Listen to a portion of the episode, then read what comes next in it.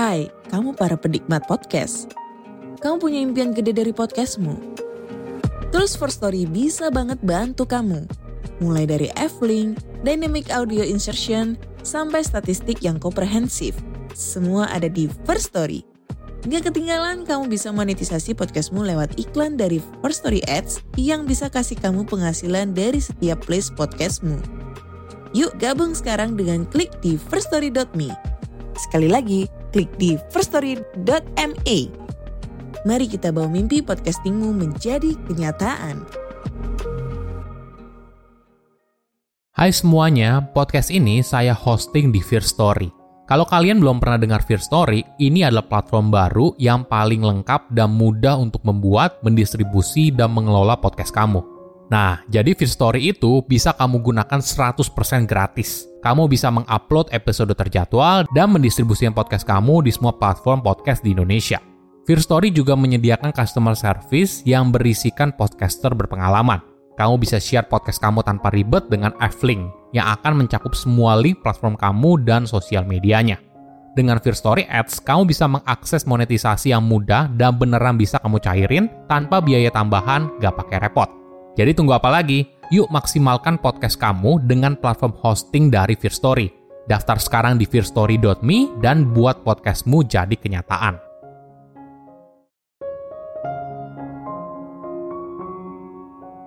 Berpisah dengan orang yang dicintai merupakan sesuatu yang pasti di dunia, entah yang sifatnya sementara atau selamanya. Namun ini jarang sekali disadari banyak orang karena mereka sering kali menganggap apa yang mereka miliki sekarang akan bertahan selamanya. Halo semuanya, nama saya Michael. Selamat datang di channel saya, Sikutu Buku. Kali ini saya akan bahas bagaimana cara menghadapi perpisahan. Ada yang sulit untuk melepas, tapi ada orang yang terlihat lebih mudah. Setiap orang punya caranya sendiri saat menghadapi perpisahan.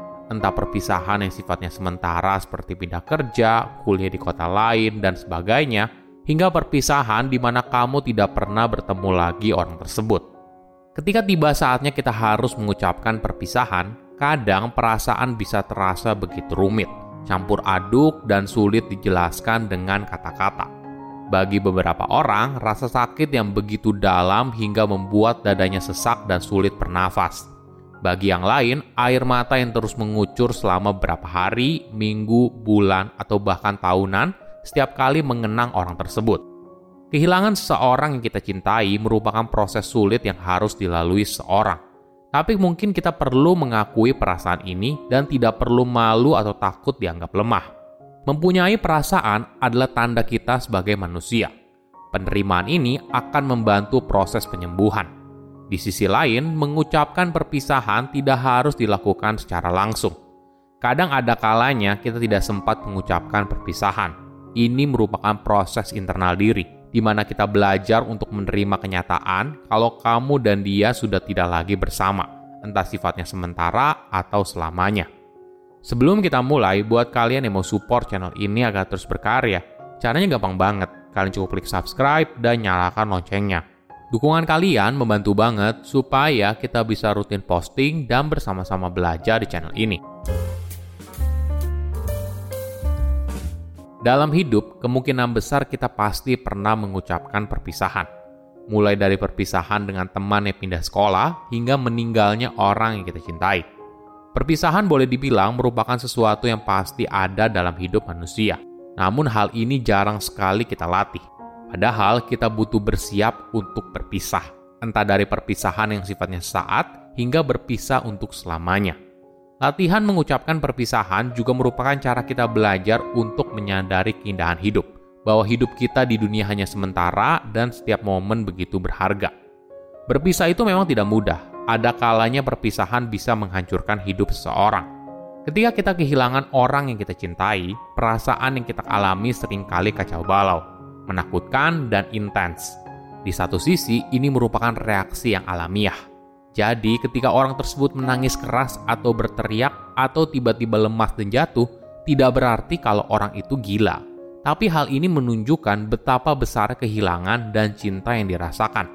Biarkan perasaan ini datang dan pergi. tidak perlu dihakimi karena tentunya tidak mungkin kamu bisa menangis terus-menerus 24 jam selama 7 hari seminggu kan?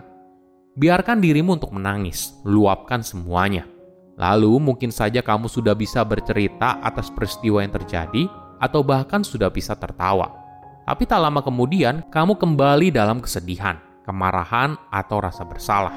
Emosi naik dan turun seperti roller coaster merupakan bagian dari proses. Menariknya, mengucapkan perpisahan itu tidak selamanya harus dilakukan dengan cara tatap muka. Tapi ini merupakan sebuah proses internal. Ini merupakan sebuah proses simbolik yang butuh refleksi diri, jeda sejenak, waktu sendiri untuk menyadari dan mengingat orang tersebut yang kita temui, yang kita cintai, dan telah memberikan dampak pada hidup kita. Perlu dipahami, berduka adalah kondisi di mana kamu memilih apa yang harus kamu pegang erat-erat dan mana yang perlu kamu lepas. Misalnya, ketika seseorang sedang berduka, kita sering mendengar ucapan dari orang yang ada di sekitar kita yang bilang, "Udah, ikhlasin aja." Kalimat ini mungkin bisa memicu kemarahan bagi orang yang sedang berduka, karena mereka merasa tidak ingin berpisah dengan orang yang dicintai. Dia tidak ingin berpisah dengan hidup yang sudah mereka jalani bersama. Tapi seiring berjalannya waktu, orang itu harus belajar untuk melepas perasaan yang menguras energinya perasaan yang tidak lagi bisa membantu dirinya dalam penyembuhan. Bisa perasaan bersalah, bisa perasaan marah, cemburu melihat orang lain masih bersama orang yang dicintai, dan sebagainya. Seorang konselor terkenal bagi orang yang berduka pernah berkata, Seiring berjalannya waktu, kita perlu belajar untuk mengingat seorang dengan penuh cinta daripada rasa sakit kehilangan. Jadi di tahap awal berduka, kita mungkin merasakan rasa sakit yang luar biasa tapi seiring berjalannya waktu, kita ingin melepas perasaan tersebut dan mulai fokus pada rasa cinta. Rasa cinta kita yang begitu dalam pada orang yang sudah tidak lagi dalam proses hidup kita. Jadi orang itu bisa tetap hidup dalam wujud yang lain.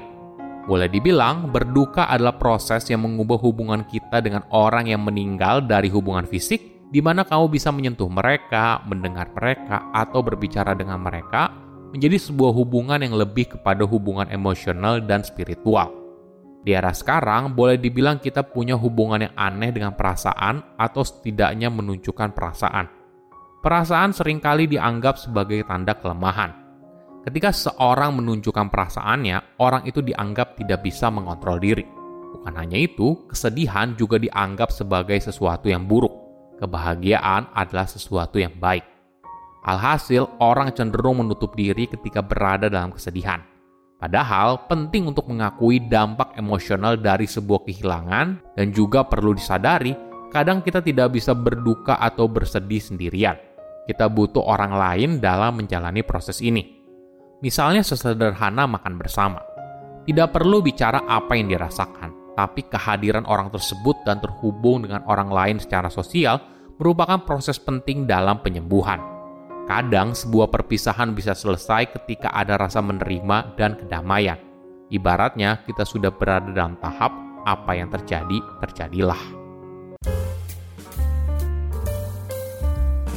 Selain berpisah selamanya dengan orang yang kita cintai, mungkin saja kita mengalami berbagai tipe perpisahan yang lain. Misalnya teman yang pindah kota, kamu yang pindah kerja, dan sebagainya. Di momen itu, sering kali kita kehabisan kata-kata dan mudah sekali bisa salah ucap. Nah, gimana caranya? Jika kamu ingin kata-kata perpisahanmu lebih bermakna bagi orang lain, jangan hanya gunakan kalimat umum seperti "semoga beruntung ya pada karirmu selanjutnya" atau "terima kasih atas kenangan yang sudah kita buat bersama". Tidak peduli apakah hubungan kamu dekat atau tidak, kalimat perpisahan apa pun bisa bermakna ketika kamu meluangkan waktu untuk menceritakan nilai dari orang tersebut. Apakah orang itu merupakan rekan kerjamu yang paling terpercaya? Apakah dia adalah tetanggamu yang bisa diandalkan? Apakah dia adalah teman yang selalu menghiburmu ketika sedih? Bersedialah untuk terbuka dan spesifik tentang bagaimana orang tersebut memberikan dampak bagi hidup kamu. Lalu ucapkan terima kasih atas kehadiran mereka. Bagi beberapa orang, perpisahan terasa begitu berat.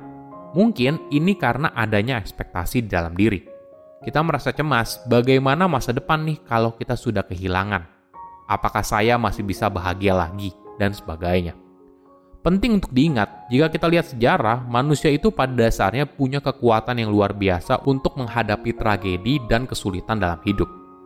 Kamu pun juga bisa dan kita tidak akan pernah tahu sampai akhirnya kita yang mengalami sendiri. Kamu harus belajar untuk mempercayai dirimu sendiri untuk bisa kuat dalam menghadapi apa pun yang muncul di masa depan. Silahkan komen di kolom komentar pelajaran apa yang kalian dapat ketahui informasi ini. Selain itu, komen juga mau tahu informasi apa lagi yang saya review di video berikutnya. Saya undur diri, jangan lupa subscribe channel YouTube Sikutu Buku. Bye bye.